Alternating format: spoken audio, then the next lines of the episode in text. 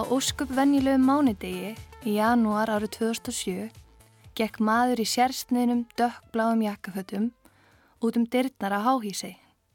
Hann stemdi átt að gráum bíl sem beigði eftir honum við enda gangstéttarinnar. Rétt ára hann settist inn í bílinn, hoppaði hann af kæti. Þetta hopp var eilítið úr hans karakter en maðurum bara reð ekki við sig. Hann hefði fengið það fréttir að bandaríska livjaeftilitið hefði samþygt að getnarðanpilla, sem fyrirtæki hans framleiti, virkað einning sem liv gegn bólum.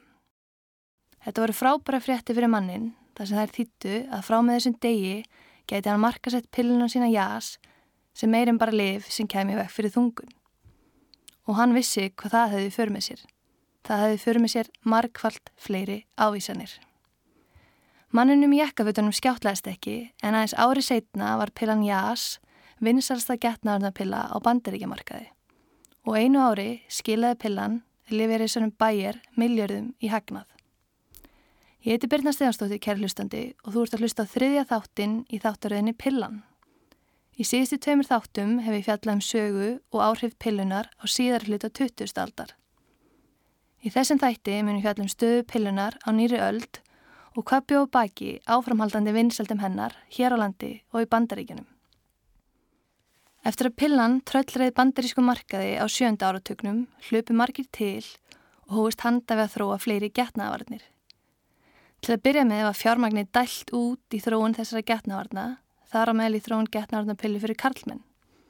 En eftir bakslægi pillusölu og umræðu um getnavarnir eftir Nelson réttaransóknina, sem fjalla varum í síðasta þætti, dróð mörg fyrirtæki lappinnar.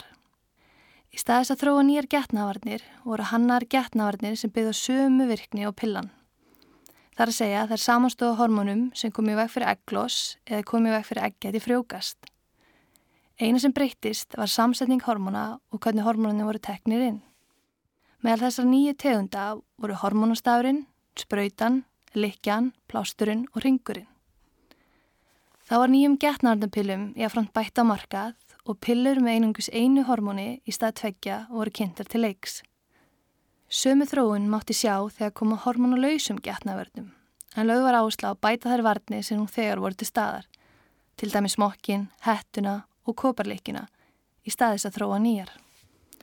Nei, það átti sér ekki stað mikil framþróun í getnavörnum eftir að pillan koma markað, þó úrvali hafi vissulega batna til muna.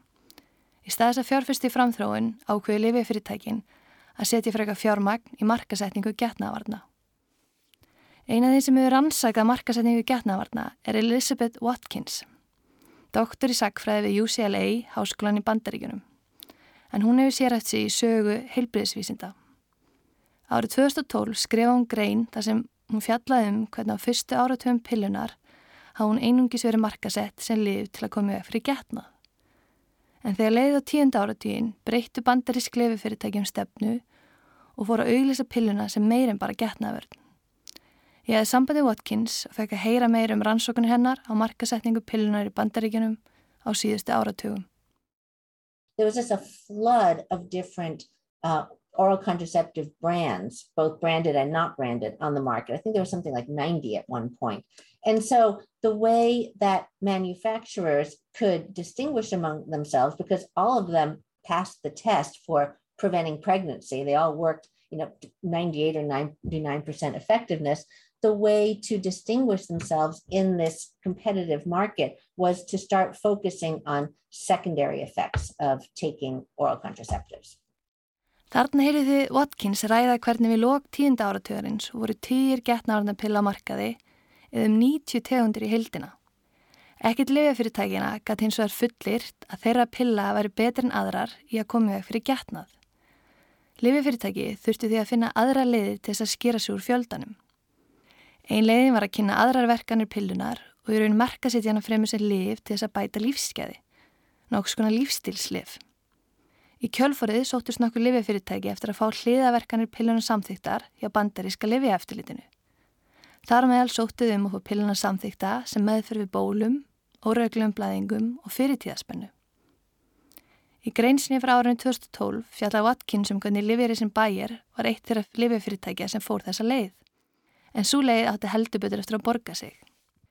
Bæir fekk samþygt að ný pilla á þeirra vegum verkaði sem meðferðu PMDD sem er stundu verið kallað sjúkli fyrirtíðaspenn á íslensku og sem meðferð við bólum. Þessi pilla bar nafni JAS og slagverð hennar var Beyond Birth Control sem ætti kannski því það sem handan getnaðavarna.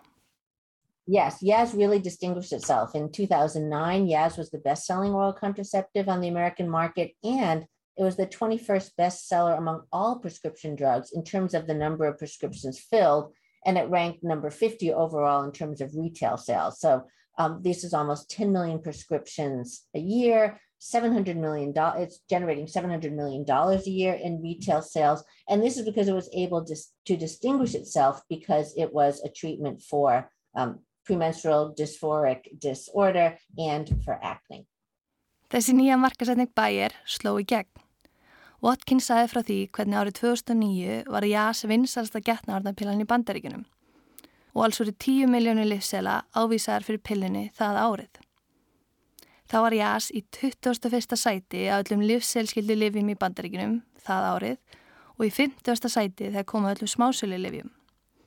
Þessar vinsaldir pillina skiluðu bæir 700 miljón krónar hagnaði árið 2009 en vinsaldirnar má meðalans reykja til að bæir markasetti JAS sem lif til þess að losna um bólur og lif fyrir sjúklega fyrir tíðaspennu. Auðlýsingandi fyrir JAS byrtist á undan vinsalum úlingaþáttum í bandarísku sjónvarpi en markmið var að ná til ungs fólks. Í sjónvarsauðlýsingum mátti meðan sjá ungar konu sparka eða kýla í skildi sem ástóðu meðalans höfuverkur, skapsveiflur og bólur. Að meðan ábreyðar hljómsætarinnar The Veronicas á læginni We're Not Gonna Take It spilaði undir.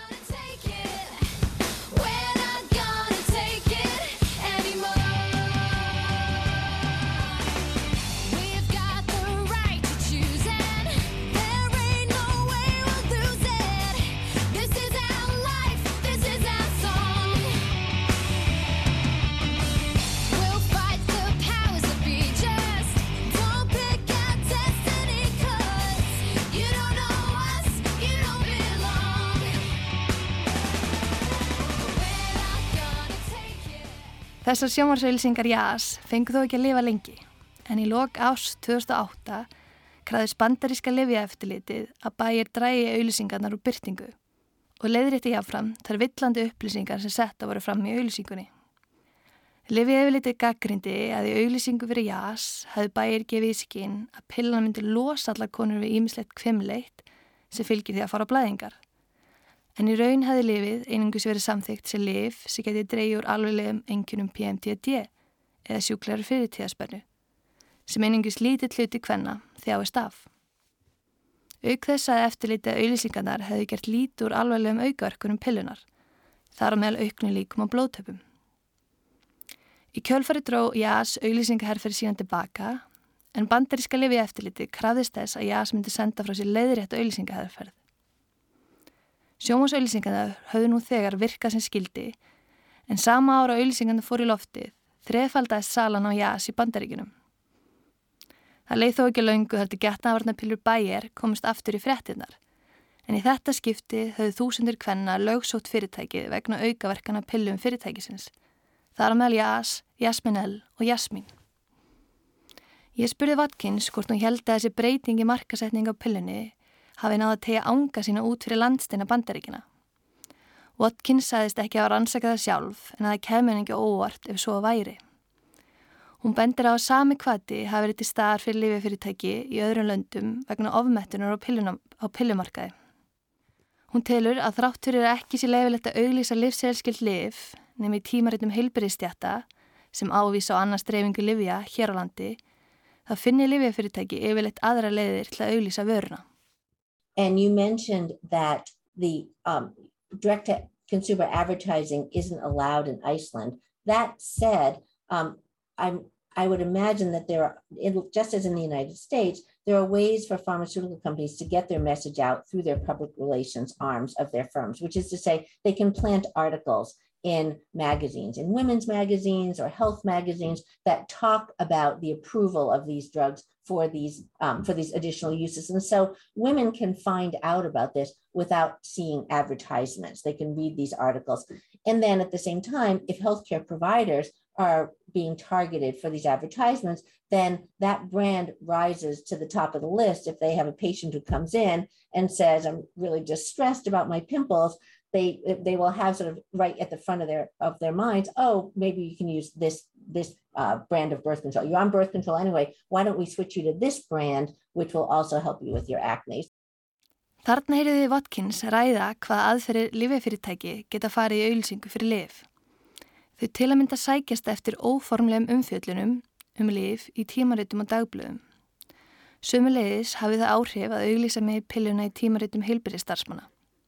Ef ákveðin pilla er að til að mynda auðlýsa meðfröðu bólum, þá sé líklega að hún komi fyrst fram í huga læknis þegar sjúklingur með bóluvandamál leitar til hans. Markasetning pillunar í tímaritum heilbristjætta hefur ekki verið rannsökuð hér á landi en ef skoðað eru gömul tölublöð á læknablaðinu má sjá að ólíka pillutendur hafa verið auglýstar í blaðinu í gegnum árin. Getnavartanpillan Jasmín var til að mynda auglýst reglulega árum 2001-2003 síðan tók Jasmín elvið og árið 2009 var Jas auglýst í 6 af 12 tölublöðum læknablaðsins það árið. Í auðlýsingu Jás kom meðlans fram að pillan dræjur bólum. Ekkir þó þetta fullir að þessar auðlýsingar hafi haft áhrif á pilluávísanir hér á landi. Ljóstu þó að Jasmin hefur lengi verið með háa markaðslutdeild hér á landi og þá hafa rannsóknir á nótkunn pillunar. Sínt frá mann pillunótkun hefur aukist hjá yngri aldurshópum hér á landi á síðustu árum. Árið 2018 nótu alls 39% stelpna sem voru byrjað að stunda kynlífi tíndabæk pilluna en um áratug áður var nótkunni 25% til sama hóp.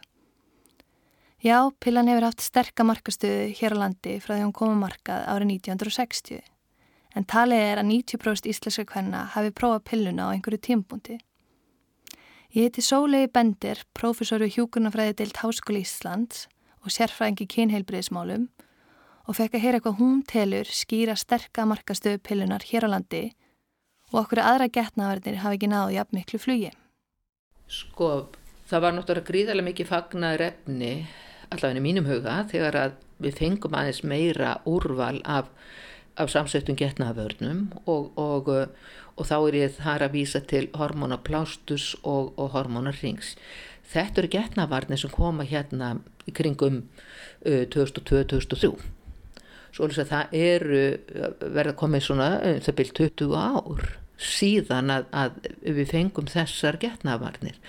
En einhverja hluta vegna er að, að þá hefur pillan, samsetta pillan, alltaf haft miklu sterkari markað stöð heldur en, en plástur og ringur og það á ekki bara við á Íslandi heldur, heldur ákveðan á löndum okkar líka að að það hefur verið minna um það að þær séu notaður og, og ég held að það sé fullt af sko útskýringum af hverju það er og, og hérna eitt af því er það að, að við kannski gefum ekki konum þegar það mæti ráðgjöf kannski gefum við þeim ekki möguleika á því að kynnast öllum þeim getnavörnum sem koma til grein að, að að, að þarna er mjög mikið háð á ráðgjöfinu um það hvort að, að hérna, þetta sé svona sett upp sem valkostur.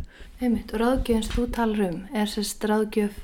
Ráðgjöfin getnavarnir að er að, að sko þú þart í rauninni ef þú ætlar sem helbriði starfsmæður að veita ráðgjöfin getnavarnir um, þá felur það í sér að þú ert að byggja ákveðinu hugmyndafræði ráðgjöf að þú þart og, og hérna í bókarkabla sem ég nú samti hér 2012 emmitt fjallar um svona líkan í sambandi við það hvernig þú vinnur á svona móttöku og ferði gegnum á hver ágjafar ferli með konu, hvað skiptir máli í sambandi við þessa ákvarnatöku um nótkun á getnafun.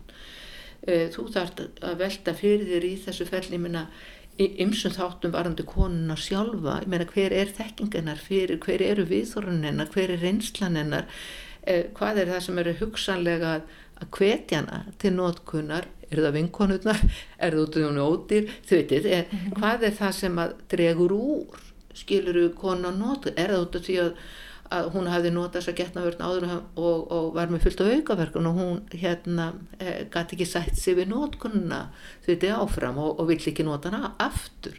Þú veist það er svo margir svona þætti sem við þurfum og, og síðan þetta með, með ráðgjöf er að, að hún byggist á þessu tvíhliða sambandi ráðgjafans og viðkomandi skjólstæðings að, að hérna er það að ráðgjafin hann er ekki bara að segja konu hvað hún á að nota heldur á hann að finna það út eins og sé hver er þessi saga og annars líkt og byggja á þeim grundallega upplýsingum skipta máli fyrir ákvörðuna og, og við þurfum að vinna því að, að kona e, sé að ganga í gegnum í rauninni upplýsta ákvörðun og það þýðir það að, að við erum að veita henni upplýsingar um sagt, þær getnavarnar sem koma til greina og helstu þætti til þess að hún getur smám saman einangra hvað er það sem að geti mögulega henda þenni best. Annað sem við viljum líka gera með ráðgjafaferlinu og er lögð gríðarlega mikil áherslu á sko í, í, í rannsóknum er það að eitt af því sem skiptur gríðarlega miklu máli og hefur komið fram í í mjög hérna, stórum kerfusbundnum samatektum varandi þetta efni. Og það er að góðar upplýsingar um aukaverkanir. Kona til dæmi sem, sem, sem dæmi, kona sem er einmitt að fara á prókustur og getnavarnir að hún má alveg gera ráð fyrir því að verða einhver blæðingar óregla hjá henni til að byrja með ef að þú gefur engar eða, eða það getur líka komið tímabili þess að hann hættir að blæðingum ef þú gefur ekki upplýsingar um þetta að þá í fyrsta lagi halda konur oft já blæðingar óleg skildi þetta nú bara vera það að getnavörni mín virkar ekki? Og hún kannski ákveði bara sjálf eftir einhvern next tíma hvort sem hún er að taka pilluna eða eitthvað annað bara hætta.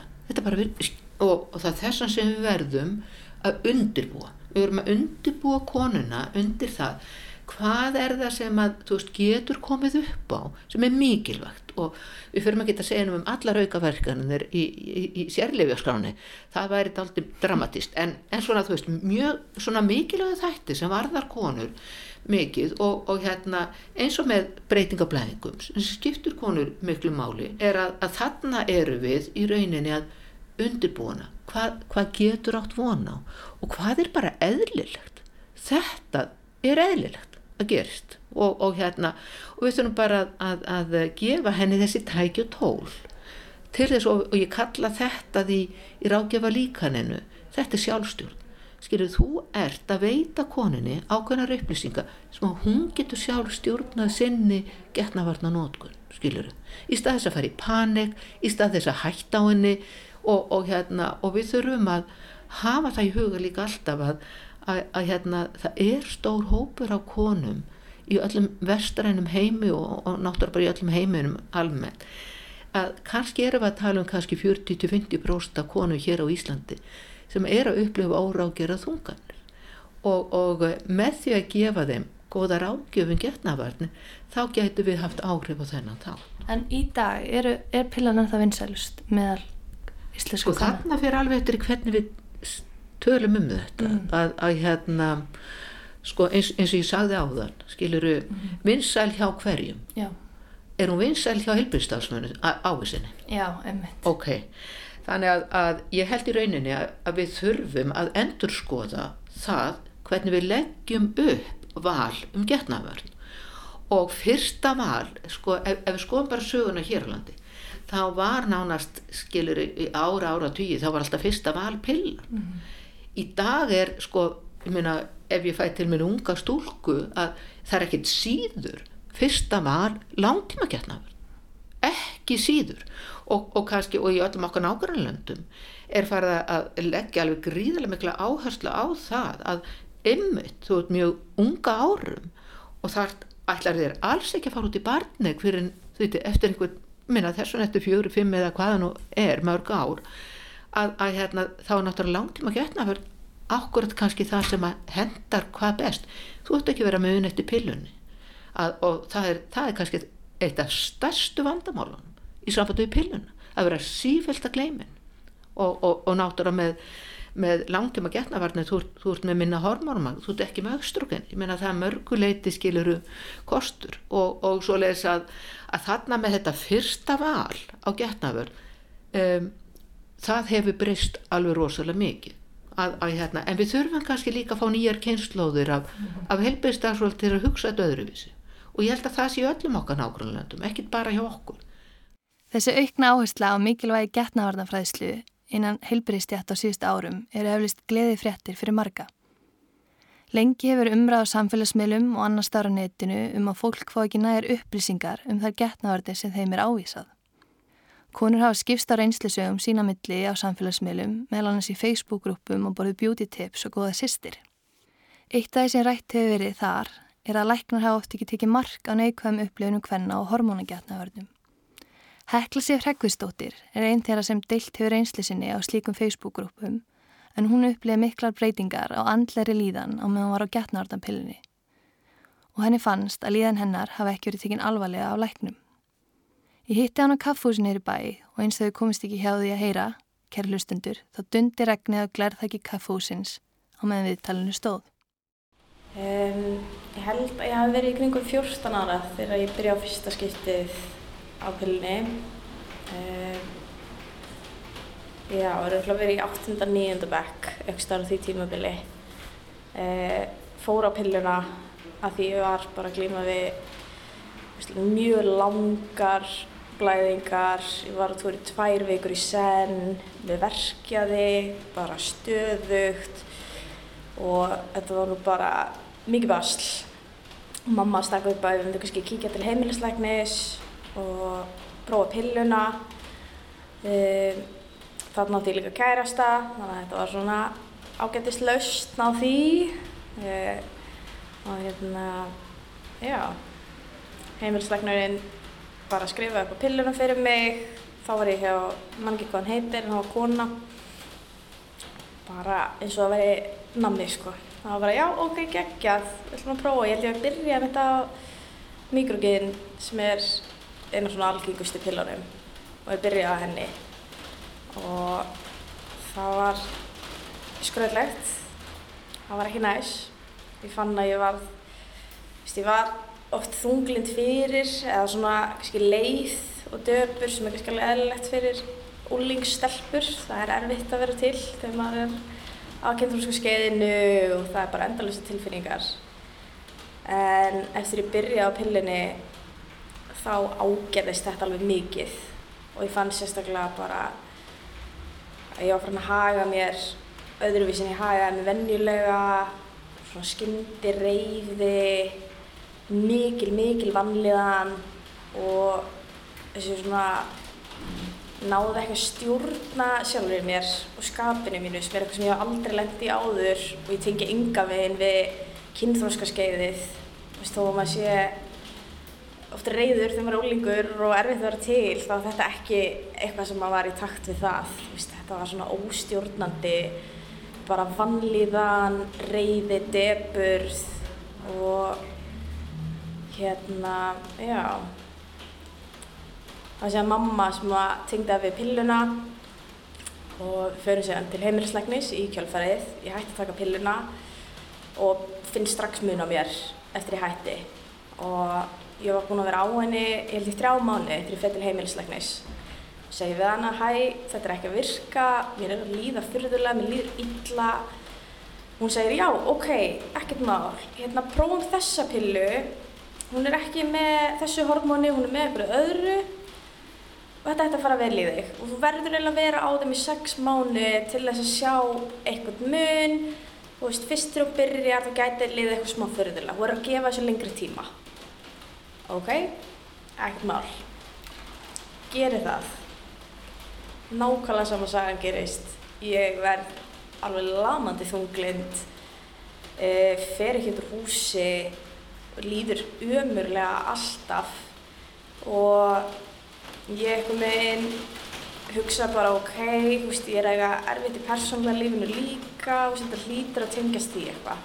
Þetta hlýtur bara að vera eitthvað svoleiðis og ég var alltaf reið ég var alltaf reið ég var bara brjáluð og það var einhvern veginn ekkert sem að hjálpaði til. Það var bara allt sem fór í töðan á mér, ég var reyðið við minnstu, minnstu hlutum, fann ég var orðin bara, þú ofbeldisfull. Og þú mér langaði bara að kýla hluti og skella hurðum og, og berja í fólk og þú veist, ég var brjáluð sem er eitthvað sem er bara ekki ég og hef aldrei verið þannig. Þannig að ég þraukaði þetta út í sex mánuði og það gerist ekkert nefnum það að mér líður bara verð og líður það illa, ég vil ekkert fara til heimilisleiknis, ég vil ekkert tala við neitt, ég vil ekki fara til sálfræðings, ég vil ekki neitt. Og þetta er örgulega síðan, örgulega eitt ár þarna sem mér líður það illa. Og mamma hefur virkilega ráðið af mér. Og vil endilega, hún veist, mamma er, var þarna og hún fann einhvern sálfræðing, herðu fyrir þangað, ég fyrir einn tími á sálfræðing og er hún bara ekkert að taka þátt. Og ég er alveg litlaus. Þú veist, ég er bara, kemur ekki neitt, mér líður bara umulega, vil ekki gera neitt, vil ekki leita mér hjálpar, þú veist, vil ekki að neitt hjálpi mér. Og ég hætti á pillunni síðan eftir það fór til heimilisleiknis örgulega fyrsta árið framhaldsskóla, já. Þannig prófaði ég mikrogin í svona nýjundabekk, þrjá mánuði, prófaði aðra pillu, veit ekki hvað ég lengi á henni, endaði að hætta, líður sér aðeins betur, fer aftur til heimilisleiknis og segir, þú veist, hæ, mér líður ennþá umulega, uh, ég er ennþá túr endalust lengi, og veist, ég er mikla verki, mér líður eins og sé eitthvað að. Veist, þetta getur ekki verið eðlilegt. Veist, þetta getur ekki verið eins og þetta á að vera. Og hún skrifur upp á þriðju pilluna fyrir mig og þráttur að hafa sagt við mig á fyrirtöfum pillunum að ég ætti að virða pilluspjaldið og alltaf að taka pillupásur. Það væri mjög mikilvægt að leifa líkamannum að fara á túr. Að það væri rosa mikilvægt. Þá segir hún við mig, takk þetta bara konstantli í þrjá mánuði. Takk þetta bara samfleitt þrjá mánuði á pillunni Uh, Þetta sem pillupásur var búinn að klára sérst kassan byrjaði sér bara aftur og takti aftur þrjá mánu og svo færði ekkert á túr og þetta var svo umöðlega tilfinning að koma til heimilisleiknis segja að það er eitthvað að þetta er ekki, þetta er ekki að virka og ég man ekki hvaða pillu ég fór á þá en það var ekki þessi með svona einu hormóni þetta var bara eitthvað mjög stöðluð klassísk pilla ég held mér að þetta hafi verið einmitt eitthvað svona bólu bólupilla Mögulega jasmín eða eitthvað. ekki jasmín reyndar en þá kom ég einmitt upp mm. einmitt skandall með jasmín og mamma að mamma sagði við bara ekki hana þú veist, ekki prófa þessa pillu. Já. en hérna það var enga forvarnir þegar ég mætti það var ekkert, þú getur orðið þunglind eða hefur orðið þunglind hvernig er búið að líða á pillunni það var ekkert svo leiðis það var bara ok, já. Ég þú ert svo fyrir lengja túr, einmitt. Prófum þessa. Ok, geggjað. Takk, bara, já. Og hérna, ég held ég að við gerum svona tekið þriðju pilluna, ég held ég að prófa ég byrjaði og svo var ég bara, veist að það bara tekur þess ekki, þetta er ekki lausnin fyrir mig, þetta virkar ekki fyrir mig. Og þannig er orðinum mitt, hvað maður 16, 17 stíma bara, þetta, þetta virkar ekki. Og þarna fer ég fyrsta skiptið til kvennsjúkdómalæknis af því að mamma var búin að segja við mig þú veist, við skulum panta tíma gá hvort það sé eitthvað í gangi. Og mér finnst þetta fáralegt að heimilisleiknir hafa ekki stungið upp á því þegar ég er búin að kvarta undan mikið af þú veist, mikið af verkjum, það er ekki eitthvað í lagi. Og ég held ég sé átján ára þegar lóksist manna mig upp í að fara til kvennsjúkdómalæknis. Þegar að hafa prófapilluna, fundið þetta er ekki að virka, mér líður umulega og Og það var ekki hlusta á það. algjörlega. Og þú veist, það er líka sem mikil faktor í þessu. Það er búið að segja við mig þúsund sinnum að þetta sé bara eðlilegt þetta sé allt í lagi, svona er þetta bara þú veist, hægt að væla Það sætti það við. Þetta er enni.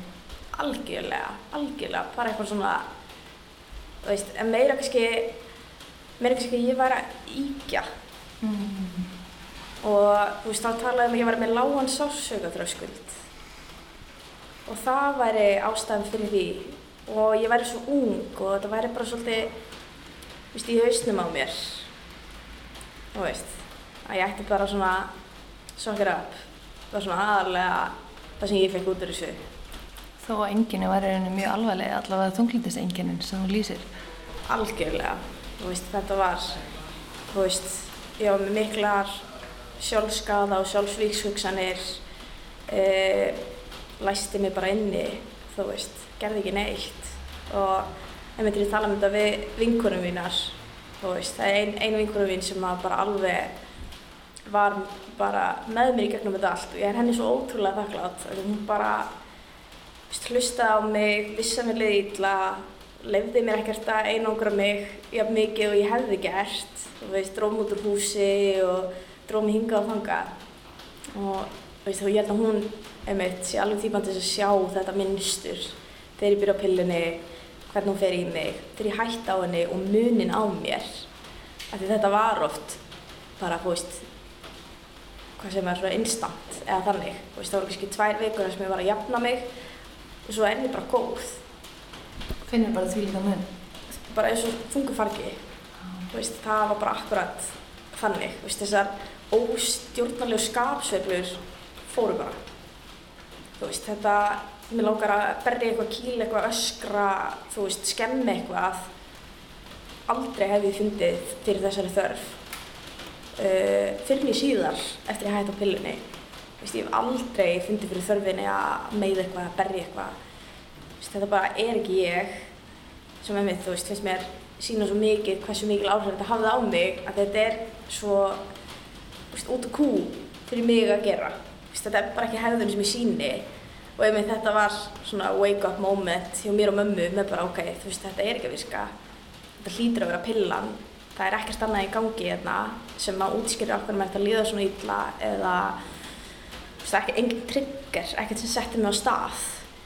Þú veist, þetta er bara þetta er eina, eina svarið og svo þegar ég hætti á hann og finn munin, þá er ég bara já, ok, vá það er þetta. Þannig mamma einn hlustaði á þessa líðaðína og hafði skilninga að þetta geti verið eitthvað eins og pilla? Algjörlega mamma var akkurat manneskeið sem að bara spotta þetta og bara heyrðu ok, þú veist 1 plus 1 saman sem 2 það er einhver aðra breytir í gangi en það hlýtur eiginlega að vera pillan. Og ég man eftir að, þú veist, mamma sé að stingur upp að við prófum eitthvað, eitthvað aðra pillu og það var alltaf til að fera á eitthvað vægari pillu, prófa það, þú veist, af því ég átti mjög erfitt, ég var endalust á túr, ég var með mikla verki og kemur sér í ljóstri fyrir til könnsjúknumalæknis í setnaskiptið að ég er með legslímuflakk, það voru eitthvað 30 millilitra blóði bara fljótandi í kviðarhólunum mínu, samgróningar allstar, ég þurfti að fara í aðgerð halvaru setna til þess að fjarlæga og brenna af. Uh, af því þú veist þetta var bara búið að vera grasserast frá því að ég var barn. Og veist staðan var bara orðin svona. Og ekki stakur þú veist uh, heimilisleiknir var búin að stinga upp á því að ég ætti að kíka til fennsjúkdómalæknis það var aldrei talað um það. Aldrei talað um já ok kannski er eitthvað að. Farðu hingað og aðtugaðu hvort það sé eitthvað að. Aldrei, við þurftum að fara sjálfar. Mamma pantaði tíma. Og bara ok, prófum þetta næst. Fyrst að restin er ekki að virka. Að Því frá því að þú byrjar að blæðingu þá ert að blæða svona ótrúlega mikið og svona ótrúlega lengi sem er ekki eðlilegt. Algjörlega. Sem er svo síðan skýrt setna af lækslimuflækinu já, En núna hafði ég sambandi því að ég sá að þú skildir eftir aðtöðasemd á góða sýstir og það sem fleiri konu voru að deila og í internetleitinu minni ef ég fyndi bara mjög mikið að sögum að þessum konur. Einmitt tvíla ekki byluna og marga konur sem upplifa að ekki sé hlustað á þær og það er kannski svolítið verið að opnast umræða núna. Hefur eitthvað tekið eftir því sjálf?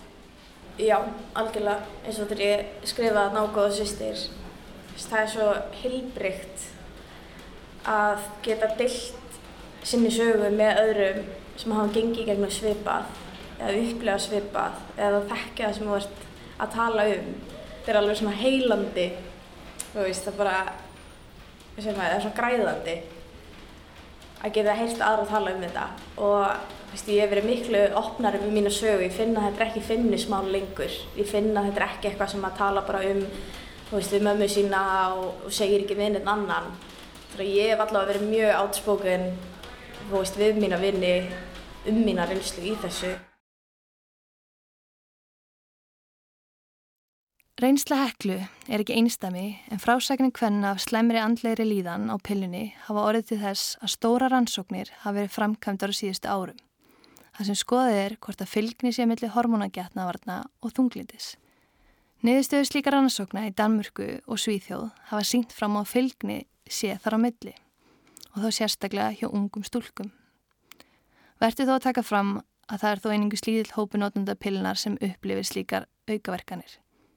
Þá hefur pillan jáfnframt hjálpa sömum konum sem glíma við legslimi flakk og PCOS. Umræður um aukaverkanir er talið vera eitt af því sem hefur áhrif að getna varðanótkunn. En í þessum þætti hefur einni verið fjallað um hvernig markasetning og laungsaga pillunar hefur spilað í áframhaldandi vinsaldir hennar á 2001. öldinni.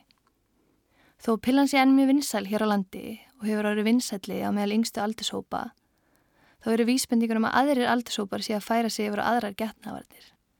Þar á meðal eru getnavarnir sem voru síðast vinsalara 8. áratug síðustu aldar. Konur eru byrjað að nota aftur hættuna og frjósemisútreikninga, en slíkir útreikningar fara nú fram í öppum. Þetta verður skoðið í næsta þætti sem á getnavarnarnókun fleiri kynja, en enn er verið að býða eftir henni margrómiðu getnavarnarpillu fyrir karlmenn. Takk fyrir samfélgina, kæri hlustendur, þangu til næst elskan, ég skal með því leika. Yfir þurri við til langrúður og með mér setna Upp í rúmi sveit í stana, að þú vilt með meira. Góð bá eina pillu og ég stans fyrir að gleima Elskan, ég skal með því